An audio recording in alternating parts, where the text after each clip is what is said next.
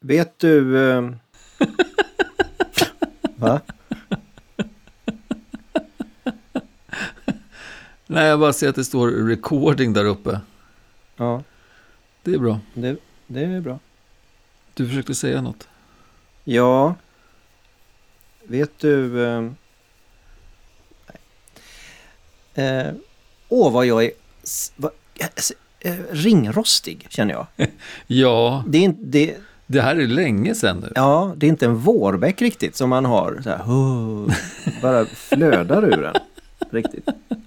Nej, men hörru. Alltså, du har varit krasslig i omgångar. Vi har haft andra saker för oss i omgångar.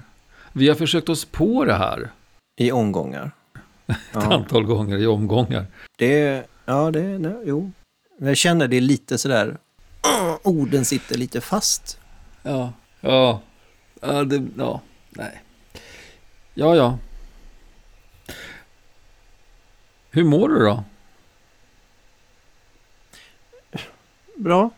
Ja. Bra. Jag fick jag in i den att förra avsnittet som vi faktiskt då i alla fall kom ut med, då frågade du mig så ordentligt hur jag mådde. Ja. Och jag frågade Ja. inte dig alls. Nej. Så jag tänkte att nu är jag tvungen att kontra. Ja. ja. Men jag mår bra. Det är bra. Ska vi inte ta och dra igång den här lilla kärran?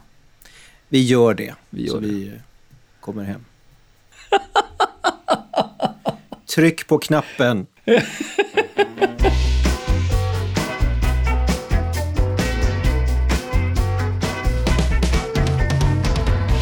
Hej och välkomna till avsnitt 19 i podden X betydelse för Y.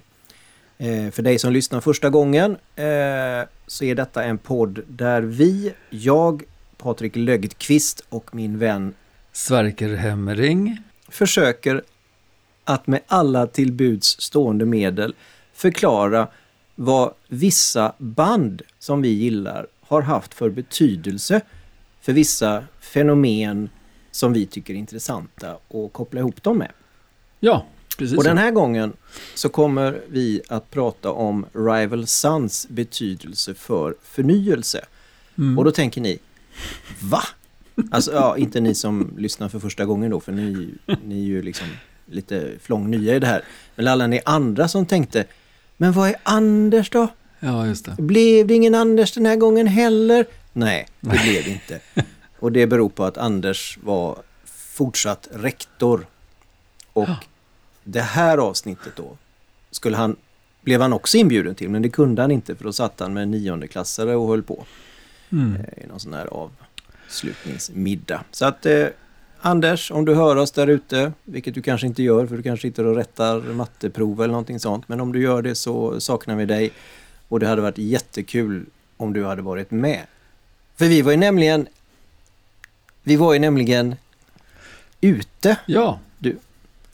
Vi var ute jättemycket. Ja, Ute liksom i friska luften och sågs fysiskt nere i Ja. Göteborg. IRL. IRL. Ja, nej, men för Ja. det är det som är lite roligt med det här bandet, Rival Sons. Det är faktiskt det bandet som du och jag har sett flest gånger. Ja. Typ på riktigt. Det här är ett riktigt band Ja, som man kan, ja man kan äkta. kolla på. Ja. Mm. Så att eh, vi, de kom ju till Pustervik. Ja. Mm, och då, Och vi var där. ja, då åkte jag ner och så Mm. var vi där Mm. och såg dem. Eh, och då lät det lite grann så här bland annat. Ja, då var vi här. Ja, vi ska gå och se Rival Sons på Pusterviksteatern i Göteborg. Det är den 7 juni. 7 juni, igår var det nationaldag. Mm. Det är Dirty Honey spelar. Som förband. Det är de som, om ni hör något som dunkar så är det de som håller på här bakom. Ja. Vi har haft spöregn så att eh, härligt att vi hade små regnjackor på oss. Nu Det är helt, helt, helt oväsentlig information. Nej men det är kul. Jag, vad vi har gjort. jag tycker inte det är kul med Nej, jag tycker det är kul. Och nu vi- Det var ju inget, det är ju inget jättebra ljud, men det var en liten inspelning som vi gjorde för att vi skulle bevisa att vi hade varit där så att ni liksom inte undrar, sitter de och hittar på nu bara? Ja, nej men det gör vi inte. Nej. Det gör vi inte. Nej men det är ju det är ett eh, häftigt liveband. Är det ju. Ja, jävla fräckt liveband. Och jag, jag vi blev lite starstruck där också ett tag. Ja. Vi, vi stod ju på Pusterviks uteservering. Det var fin kväll, lite kallt men fin kväll och vi drack varsin Pusterviks IPA. Mm. Och helt plötsligt så, så går det förbi någon. Ja, Mike Miley, själva trummisen i Rival Sons, bara knatar förbi i snabb takt ner mot Ja. Järntorget.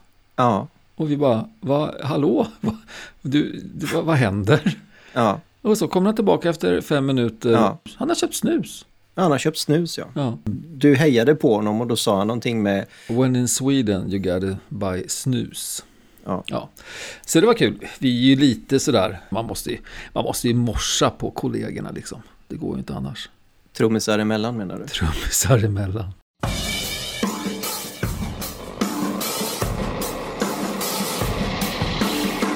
Vad vi ska göra nu då, Mm. det är att vi ska försöka att förklara vilken betydelse Rival Sons har haft för förnyelse. För det, igen då, ni som inte har lyssnat på det här poddandet tidigare, ni vet ju inte att förra gången och förrförra gången och förrförra gången så försökte vi få med nämnda Anders Ja. och göra ett avsnitt som skulle heta Genesis betydelse för Förändring. och det gick inte. Nej. Eh, vi har inte lagt ner det men vi har pausat det lite Mm. grann.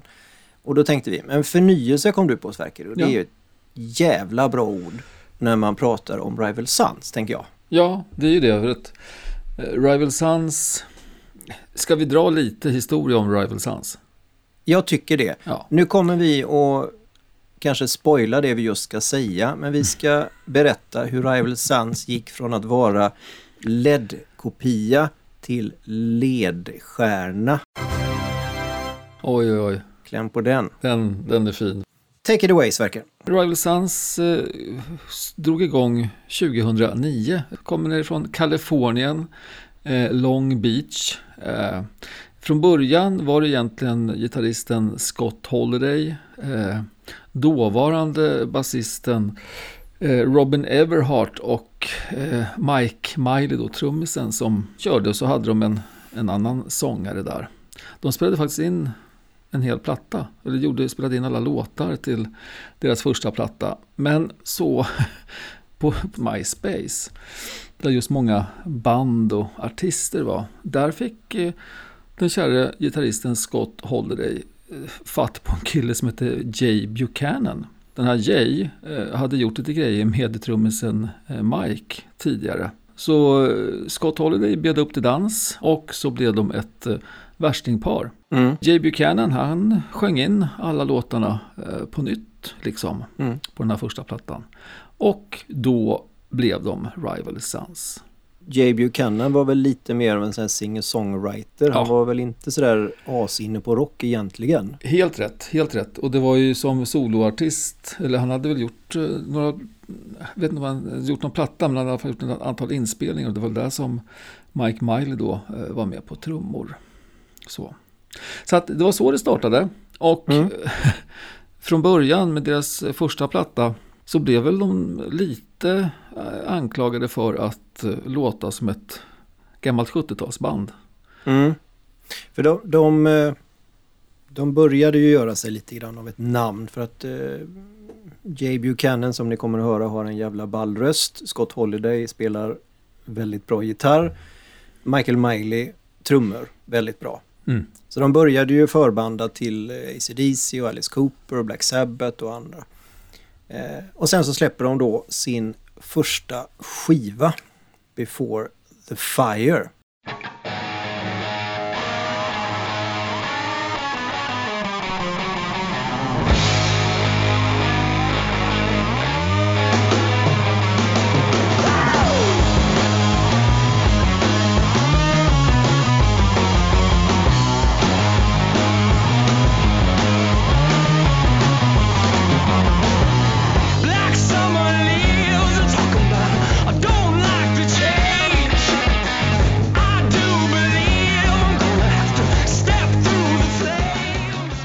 Det var ju faktiskt eh, några som, som skrev att, alltså av journalister, recensenter, att ja men det här, det finns någonting här. Det här bandet ska man nog hålla lite ögonen på ändå. Och sen släpper de sin andra skiva då. Yes. Och det fattade ju inte jag, men du har ju förstått lite grann varför setlistan var som den var. Det, det gick ju mig fullständigt spårlöst. Ja, du menar nu när vi var nere på Pustervik ja. Ja, Ja. Nej, men för att den, den släpper de ju då eh, 2011. Och den heter, Pressure and Time. just det. När jag skulle sätta ihop en liten sån här Spotify-lista för oss att lyssna på utifrån Mm. de låtar som man hade spelat på konserten. Mm. Så var det ju liksom då Pressure and Time-skivan rakt upp och ner. Från första låten till den sista. Och det var precis det de gjorde på konserten. De körde de nio låtarna rakt upp och ner. Sen klev de av scenen. Och Mm. folk, vi undrar ju liksom, okej, är konserten slut? Man klappade ju såklart, men man var nästan lite så här, vad, vad konstigt, vad, vilket kort gig. Ja, för det var ju också det att, alltså dels så började de ju med den låten som gjorde att vi fick upp ögonen på Rival Sons. Ja, All over the road.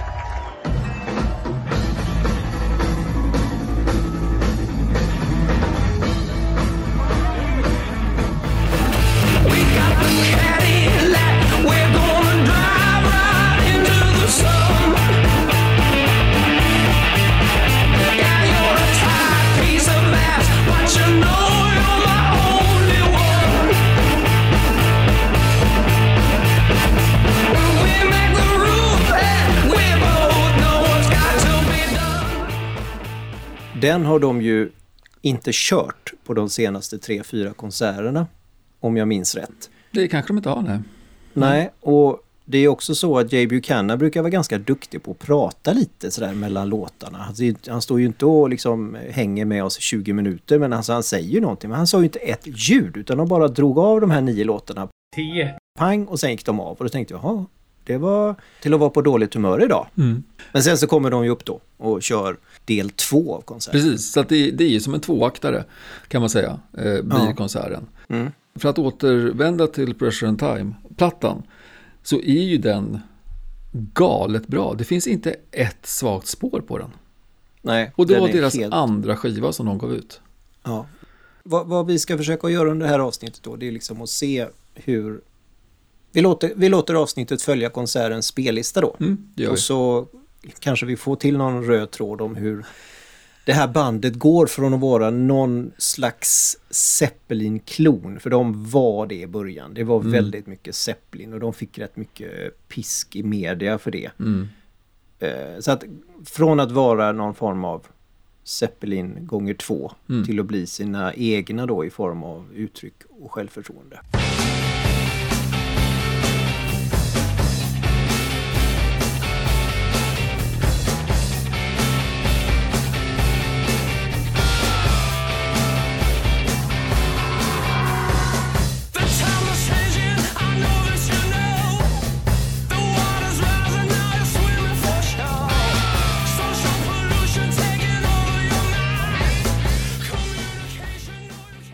Åter till eh, gigget. Konserten! Första låten, precis som du sa, All over the road. När Mm. du spelade upp den för mig första gången. Mm. Det var, alltså, det är väldigt sällan som jag blir så golvad av någon låt som jag blev av den. Det var en så kallad epiphany för dig. Ja, fan vad apbra det här var. Ja. Sen eh, låt nummer två är ju inte dum den heller.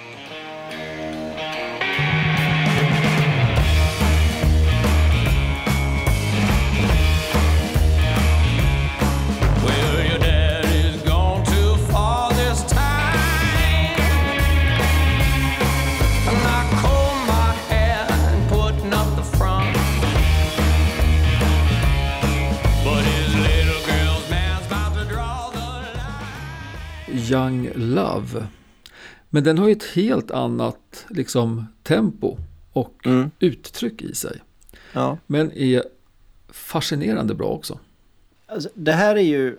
Du, du nämnde det när vi stod där och lyssnade på dem att han har lite Jim Morrison i sig. Mm. Precis.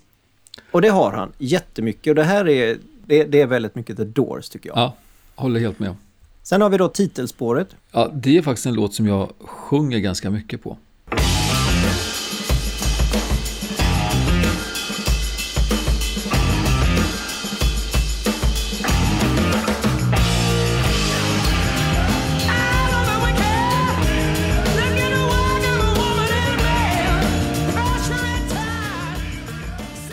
Bra början. Ja. Gött eh, trum och gott eh, bas för är det någonting som är signifikant här så är det att man hör väldigt väl vem Mike Miley, Vem han gillar. vem han gillar. Det Ja. går inte att sticka under stol med att John Bonham var anledningen till att han började spela trummor överhuvudtaget. Det är Ja. väldigt mycket eh, Bonham över honom. Fastän på ett modernt vis. Det är det som är Ja. så häftigt med Mike. det fräckt. Han är... Ja, jag håller nog honom som en av de bästa rocktrummisarna som nu åker runt och eh, gör konserter och sitter sig på en studio, i en studio ibland och spelar. Han är skitbra. Och det han gör som jag tycker är så kul det är dels att han är så jazzig Mm. i sitt eh, spelande. Och sen att han verkar ha så kul för han, han leker verkligen med sina trummor. Mm. Det är otroligt mycket grejer och man ser på på konserter naturligtvis följer han ju låten men han ser när han liksom tycker att nu fick jag till det. Ja. så, så han är verkligen så här, ja han, han är bra. Ja, han är fantastiskt bra.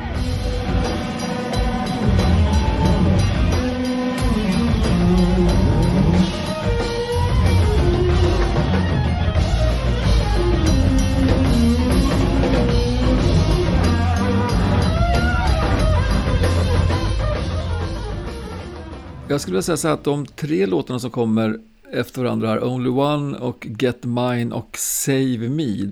Superbra låtar, men de är inte högst upp på min, på min lista. Nej, alltså de hämtar ju varför jag tyckte att ditt eh, ord förnyelse var så jävla bra till det här bandet för det är att de har verkligen lyckats, tycker jag, att förnya. Mm. Eh, man hör jättetydligt var rötterna är någonstans men det är, det är nytt och det är fräscht. Mm. Och jag måste säga Jay Buchanans röst är, alltså den är sådär ängla... Den är så, alltså jag, jag kan bli alldeles, jag kan få rysning, jag kan nästan få tårar i ögonen när jag lyssnar på hur han sjunger ibland. För Mm. han har något, eh, man brukar säga att när en, en duktig bluessångare eller sångerska har så mycket sorg i sig. Mm. Och hans röst, det finns något, något sorgset i den rösten. Mm. Men så här, nästan desperat sorgset i vissa fall. Och vi ska, det kommer längre fram så ska jag ta några av den där det är så här bara Åh vad bra han är. Mm. Nej, och det är ju någonting som eh, Scott Holiday sa eh, redan på deras första platta som de spelade in. Att eh, det är väldigt sällan som eh, Jay behöver ta om någonting i studion. Vissa låtar Mm. på första plattan så är det, det är en tagning. Mm. Och för det bara sitter. Alltså han har en... Ja, han är lite gudabenådad på så vis att han kan få ut, få ut det från början. Liksom. Det, Ja. det, det han vill få, få ut av sången. Ja. Eh, just den här låten, den tredje av de här tre, Save Me, den har Mm. ju en sån fantastisk refräng som, som går rakt igenom liksom, hjärtat. Mm. Ändå, även om den Mm. Fortfarande inte är så där högt upp som vissa andra. Som nästa Nej. låt, som är en, tycker jag, en av de rivigaste och coolaste låtarna som de har gjort.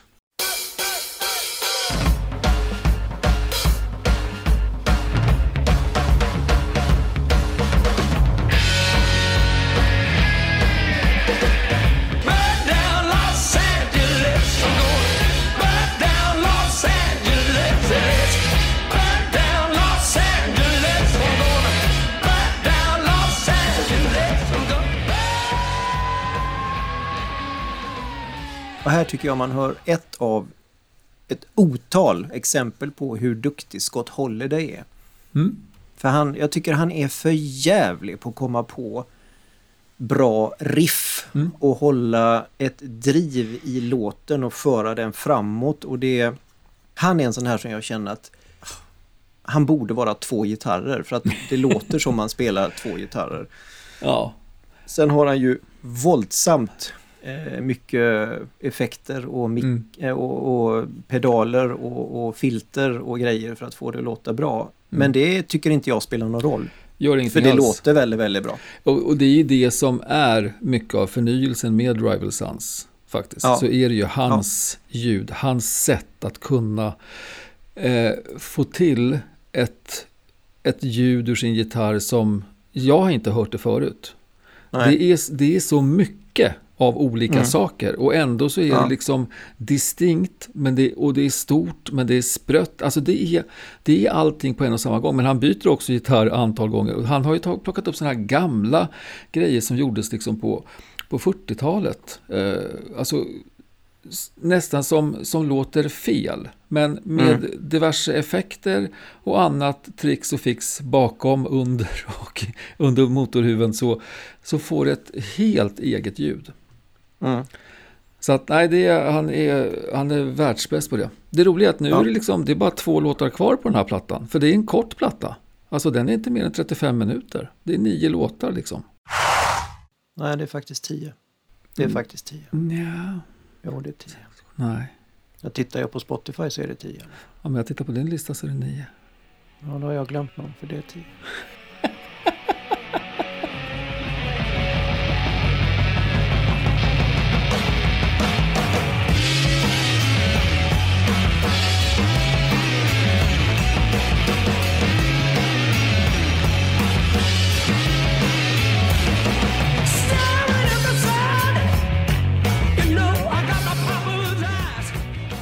Eh, ytterligare exempel på eh, Scott Holidays fantastiska gitarrspel.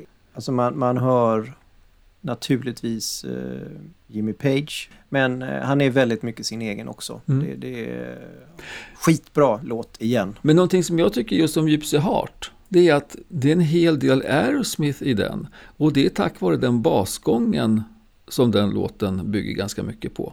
För den har ganska Ja. mycket liksom Tom Hamilton i sig.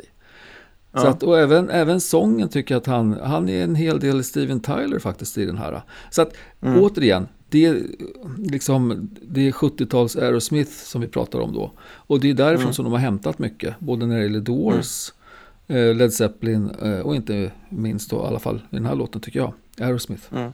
Mm. Sen är de ju en del av den här klustret band som uppstod någon gång i början av eh, 2000-talet som då verkar vilja tillbaka till några, någon form av rötter. Mm. Och det syns ju också jättetydligt hur de väljer att klä sig, hur de väljer att uttrycka sig, hur deras eh, videos ser ut. Alltså det är ju väldigt mycket någon form av sån här moderniserad eh, shabby chic 70-tal. Absolut. Absolut. Eh, Och man kan, man kan höra väldigt, väldigt mycket eh, Jack White också Mm. i, i det de gör. Sen vet jag inte vem som har lånat vad för jag har lite dålig koll på i vilken tid Jack White kom fram. Men eh, där är de också väldigt, väldigt lika. Särskilt i gitarrspelet. Mm. väldigt likt Jack White ibland.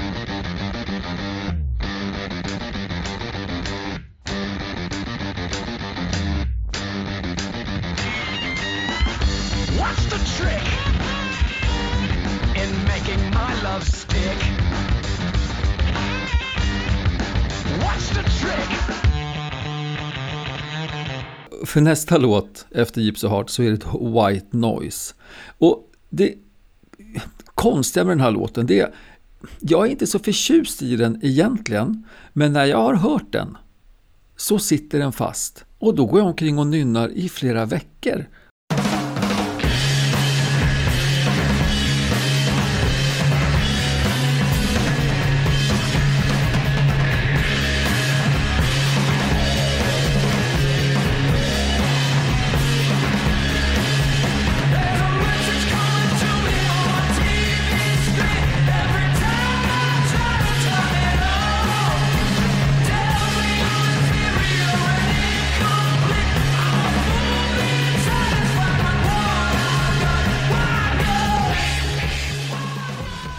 Så att den har ju någon, något magnetiskt hos sig som jag inte bara kan släppa.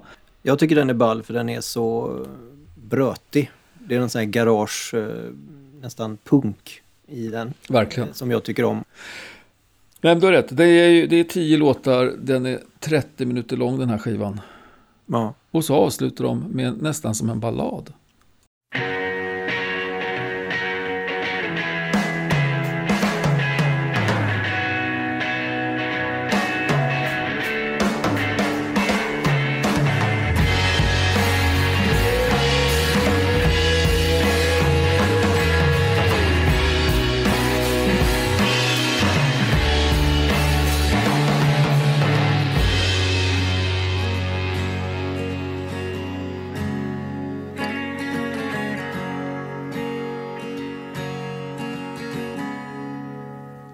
I can get through the day, have a date with the moon. It's how I spend all my worthless time on the sand, thinking that my ship will be coming in soon.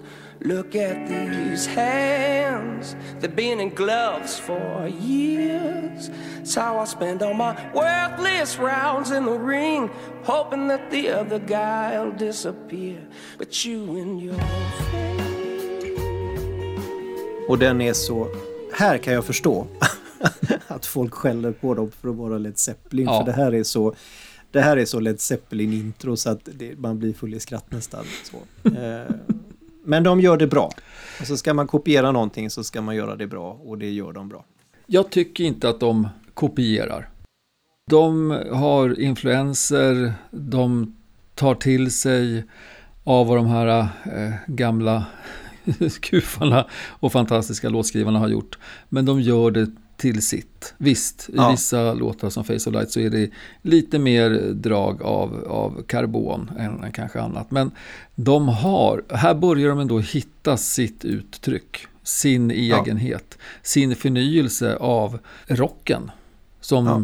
den rocksidan som de är inne på. Som är, Ja.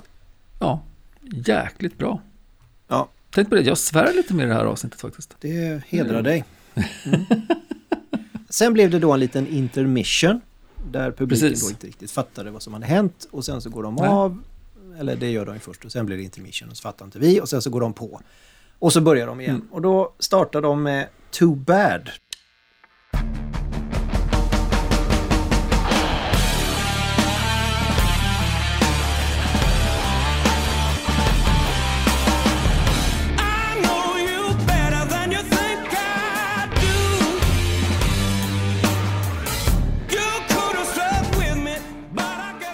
Och det är en låt från deras senaste skiva då som heter Feral Roots.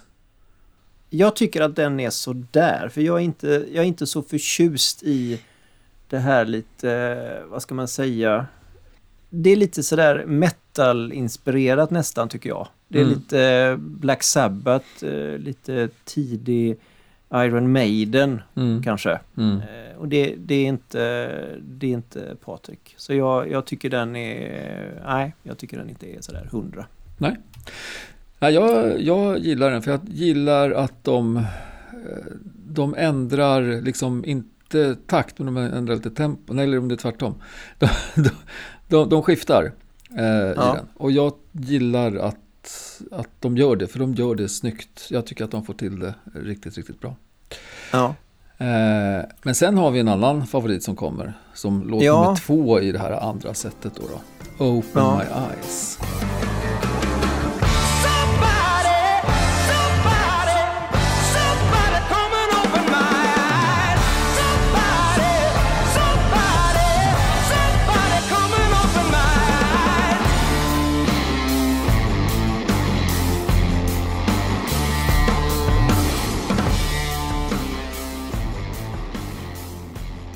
Och den är från Great Western Valkyrie. Vi har pratat om att Scott Holiday har rätt mycket filter och grejer på sin gitarr. Eh, Mm. Michael Miley blev nog lite avundsjuk på det och sa jag vill också ha filter och effekter på mina trummor. Precis. Och då sa de, ja men lägg på det då. Så det gör de här. Ja. Nej men om nu, om nu Mike fick eh, lite effekter på, på Open My Eyes så tänkte väl då den gode håller i att när du lilla gubben, om det är någon som ska hålla på med effekter här så är det faktiskt gitarristen.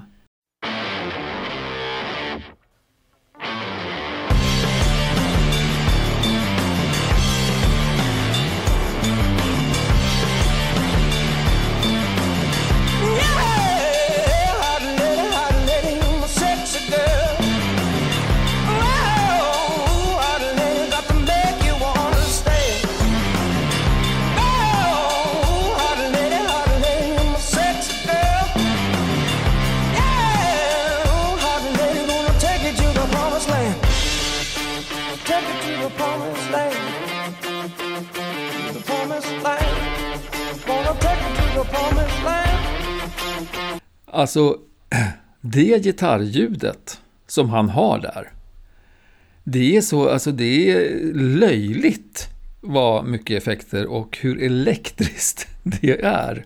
Men det Ja. är så in förbi Norden apbra. Ja, och eh, där känns det också lite grann som att även sångaren Jay Buchanan sa nu vill jag också ha filter. För han är, han är så distad Ja. i, sin, eh, i, sitt, eh, i, i sin sång. Så att det är, ja, men det är fräckt för att den heter ju Electric Man och det är väldigt mycket elektricitet. Nej, men det är som att de, de låten. kör bara honom i mellanregistret. Liksom. Det, finns ingen, det finns ingen bas riktigt i hans Nej. röst. Utan det är, det är bara mellan och en, en hel del diskant. Sen kommer en av mina absoluta eh, favoriter och här, här måste jag säga är, är alltså den är så oerhört vacker den här låten Mm, tycker jag. det det är makalöst vad vacker den är. För att det som Rival Sons tycker jag också gör det är att de tittar på hela den amerikanska låtskatten på country and western, på bluegrass, på, på, på soul, Mm. på gospel Mm. eh, och, och också väldigt mycket då religiös musik, inte bara gospel utan också den, den, den, vad ska jag säga, den vita religiösa Mm. musiken. Mm. Och den väger de samman i Jordan. The wolves look to the moon, and the ocean to the sky. I've looked to you my whole life. Now I have to say goodbye. But to say that I've lost you. Ja, eh, nej men det här är ju så häftigt med Rival Sons. Här har de, de kör Jordan som är en, i deras mått mätt i alla fall, en, en soft låt. En, en, nästan som en ballad. Mm. Och då tar de ner det ytterligare ett antal liksom steg. Alla går av scenen utom Jay Buchanan som får en akustisk gitarr. Och så sjunger de den sista låten på den senaste skivan, Farrell Roots, och låten är Shooting Star. Och den sjunger han helt själv, bara akustiskt. My love is stronger than yours. It's stronger than yours. It's stronger than yours. My love is stronger than yours. Hate will ever be. And my faith is deeper than yours. It's deeper than yours. It's deeper than yours. Is deeper than your Doubt will ever be. We move through the world like shooting stars across the sky. Och jag tycker att ska du lyssna på någon låt där ett rockband lyckats få med så mycket, vad ska man säga, Amerika där man då tror innerligt och lyckas försöka och, och, och fånga in det i sin musik så ska du lyssna på den. Mm. Sen då så plockar de upp eh, titelspåret från Feral Roots också då. Yes.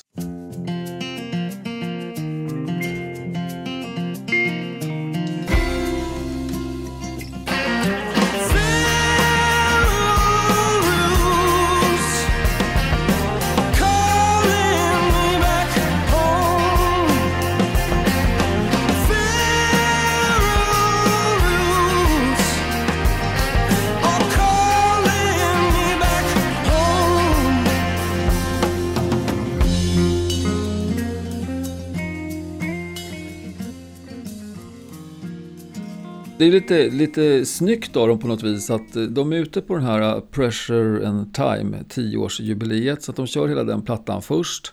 Och sen Ja. i det andra sättet så har de då i alla fall fyra eh, låtar från den senaste skivan, Feral Roots. Där det här, deras alltså titellåten, alltså det är ingen enkel låt. Men Nej. den går genom märg och ben tycker jag. Jag tycker den är så häftig. Men den är, Ja, det gör det. den är lite, den känns, ja den är verkligen från jorden. Lite komplex men ändå jordnära. Jag kan inte riktigt förklara det. Jag tycker den är superball.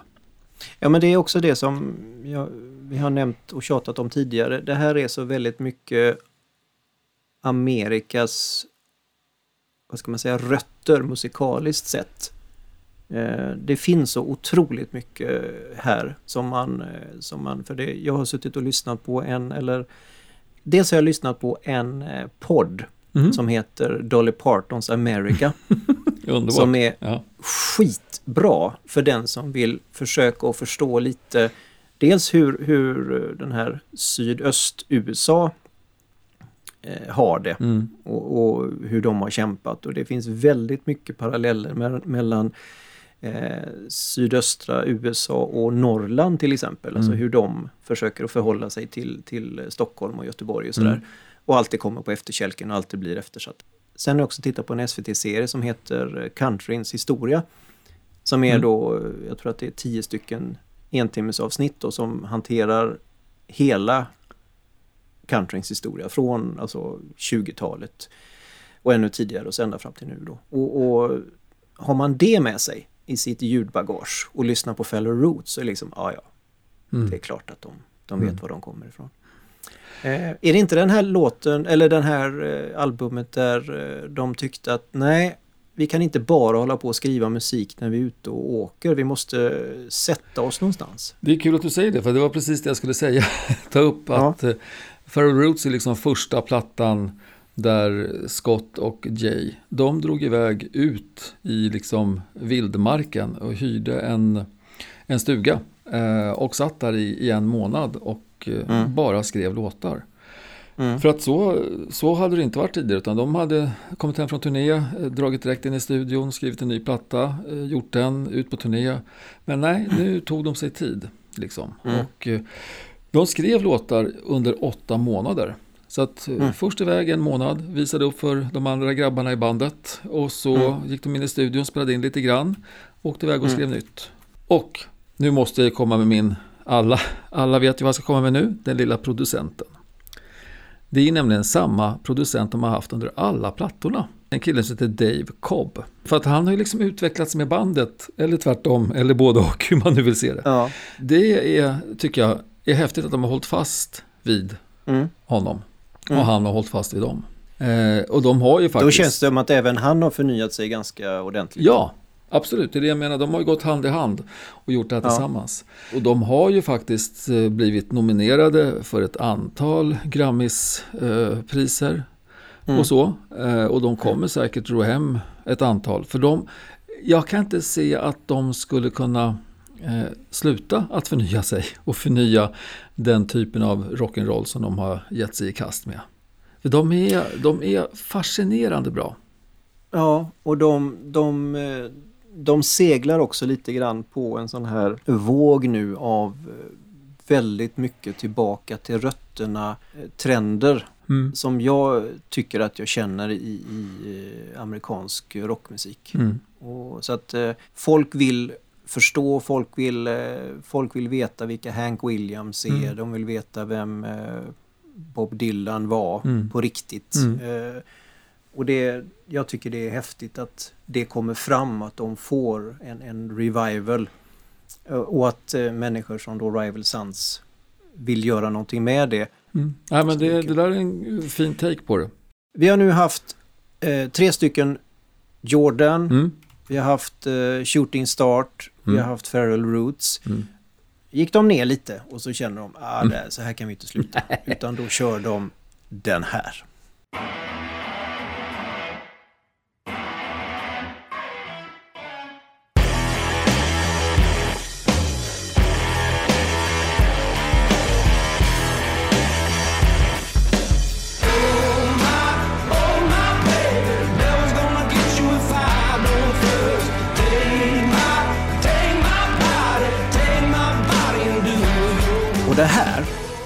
Står man framför Rival Sons som vi gjorde Mm. så får man smäll i bröstkorgen.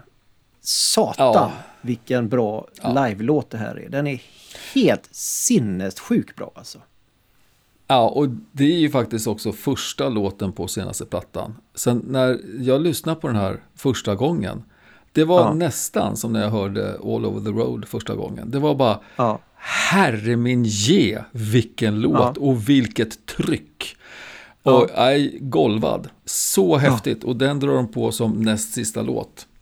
För Mm. sen, som sista låt, den kan vi inte ens spela någonting av va? Nej, för den finns inte på Nej. Spotify för den har inte Nej, släppts inte ännu. än. Det kan jag tycka. Precis. Det är förnyelse. Och den heter då Nobody Wants to Die. Det är en Ja. talande titel som sista låt på något vis. Eh, Så är det. Jag kommer inte ihåg så mycket av det, men att det var en ganska, det var en, det var en, rock, det var en rock'n'roll-stänkare liksom. Det var kaxig och, eh, ja, en tuff låt. Ja, en eh, oerhört modigt att sluta med den. När folk liksom är sådär Ja. att nu, nu, nu kommer Keep On Swinging och så, ja, kommer Nej, så gjorde det inte det. Det var verkligen så. Jag sa det till dig flera gånger. När kommer Keep On Swinging? Bara, nej, Ja. den gör inte det. Jag ska säga lite grann om Pustervik också och, och göra lite reklam för dem. Mm. För att det jag tycker är så trevligt med att gå på konsert är när man går på Pustervik, då känns det som att man är som en, en enda stor familj. Eh, Naturligtvis är det beroende på vilket band man går och ser, men nästan samtliga de gånger när jag har varit och tittat på något band så är det, det är lite gött. Det är människor som är ungefär lika gamla som du och jag, något yngre, en del äldre. Men de är där för att ha roligt. De dricker lite öl, de snackar lite med varandra. De tittar och de är jätteintresserade av musik. Och sen när det är färdigt så står de lugnt och stilla och väntar på sin tur för att få komma ut. Man går till eh, Absolut. rockvaktmästaren och man har lagt in sin, eh, sin jacka där och så får man den och sen så kliver man ut. Det gillar jag. Det, så ska en, en konsert vara. Håller helt med. Helt fantastiskt ställe. Summerat då, har Rival Sons haft någon betydelse för ordet förnyelse skulle du säga? Absolut, för i det lilla facket av eh, rock'n'roll som de eh, har härber, eller som de härbärgerar sig så har de förnyat det rejält. Alltså på alla sätt och vis. Eh, Mike Miley eh, tar trum, trummorna från John Bonham och eh, växlar upp det ett antal steg. Eh, Scott Holiday med sitt eh, gitarrvirtuos eh, ljudfixande är grym på, på licks, på riff, på solo, på allt. Och Jay Buchanan på sång är, ja, häftig som bara den. Men du, vi måste ju faktiskt nämna den eh, beardbangande keyboardkillen som de har när de är ute live och kör. Todd Ögren. Han har alltså ett skägg som går ner till gylfen. Och Japp. när han spelar så, han gör det, han skäggbangar alltså. Jag har aldrig sett någon skäggbanga redan, eller förut, men han Nej. gör det och det är asfräsigt. Sen, jag Ja, vet att du tycker han är en tråkmåns, men Dave Best är en otroligt skicklig basist. Ja. Vi har inte nämnt honom. Ja. Förlåt Dave om du Nej. lyssnar på detta och kan svenska. All heder till för att han tillsammans med Mike Miley och Todd Ögren gör en suverän bas för eh, eh, Jay och Scott att kunna briljera med sina grejer. Ja, nej men återigen så är det, det är fem fantastiskt duktiga musiker. Jag ska inte undanhålla Dave hans rättmätiga plats i vårt lilla eh, skrivbordsljus, om inte annat. Nej. Eh, verkligen, nej han är superbra. Ja, så att en Ja. skitbra konsert, jättebra band. Jag håller med dig. Rival Sons betydelse för förnyelse är stor. De eh, förnyar sin genredel. För att man ska också Mm. säga så att det är inte så att man aldrig har hört den här typen av genremusik tidigare. Det finns jättemånga. Men jag tycker Ja, att ja, de absolut. lyckas förnya den genren. Du, nu vill jag prata om något helt annat. För att nu är det Mm. Femte gången som jag har suttit och väntat på ett telefonsamtal som inte har kommit. Jaha, oj. Jag har inte fått ett telefonsamtal från producenten P1 Sommar. Nej. Igen har jag inte blivit kallad. Jag ser inte att jag sitter där bland de som har fått såna här blomsterkransar i håret och ska berätta om vad de ska prata om i sommar. Har du fått det? Eh, Katrin Makall. Makall. Nej, jag, de, nej, hon missade mitt nummer igen. Det är konstigt. Ja. Bibi Rödö eller vad hon heter. Ja. Ja. Så, så nu, Mm. kära lyssnare, nu har vi tröttnat på det här. Så att nu kommer vi att göra en sommar. Vi kommer inte att dra några lappar den här gången. Nej. Också du som är ny nu och inte vet vad vi pratar om nu. Varje gång så försöker vi dra en lapp ur ett kuvert där det står ett eh, band och en lapp ur ett kuvert där det finns eh, saker som har med kommunikation Mm. eller lärande att göra. Och då är det så som vi får ihop avsnittet nu. Men vi kommer inte göra det idag. Nej, För nu är, nu är Patrik nämligen lite sur på P1 och nu kommer vi att göra en sommarspecial ja. som kommer att heta Rockmusikens betydelse för Sverige, eh, Sverker och Patrik. Mm. Och det kommer vara ett eh, sommarprogram. Precis. Med alla klassiska eh, små ingredienser Ja. som ett sommarprogram ska ha. Ja, det, det här är med eh, viss eh, bävan som jag självklart antar denna fina, inte utmaning, men uppdrag kan vi väl säga, att få ihop ett Ja. sommarprogram tillsammans med dig. Bästa, bästa Patrik. ja. Men vad fan, det är avsnitt 20. Ja, det är Alltså, avsnitt något 20. måste vi göra. Ja, då får, vi, då får podden gå på systemet sen. Ja, precis. Eh, och och jag, jag tycker att vi börjar redan nu. Jag, jag, jag, jag lägger på lite, jag lägger på lite blomsteräng. Så, har du? Eh, Ja, vad säger, vi, tar, vi tar lite, lite, Sunnanvind där. Eh, kanske ett vågskvalp. Så, inte, nej, inte för mycket. Så lite grann. Eh, en liten- humla kanske. en liten humla kanske någonstans. Ja, Ja. så. Nu har vi, Mm. där har vi den. Eh, det här kommer, det här sommarprogrammet kommer komma ganska sent för det är ju alltid de, de bästa sommarpratarna kommer ju sist. Ja. Så att det här, det här sommarprogrammet kommer sändas ganska sent tror jag. Vi får se om P1 köper in det. Det, ja, det kostar ju en del. Men eh, om, om inte de köper in det så kan ni lyssna på sommarprogrammet i det här podd. Ja, det känns mysigt Patrik.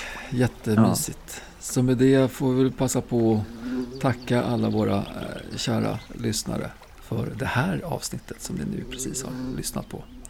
Ja. Ja. Och önskar er välkomna ut i sommarhagen.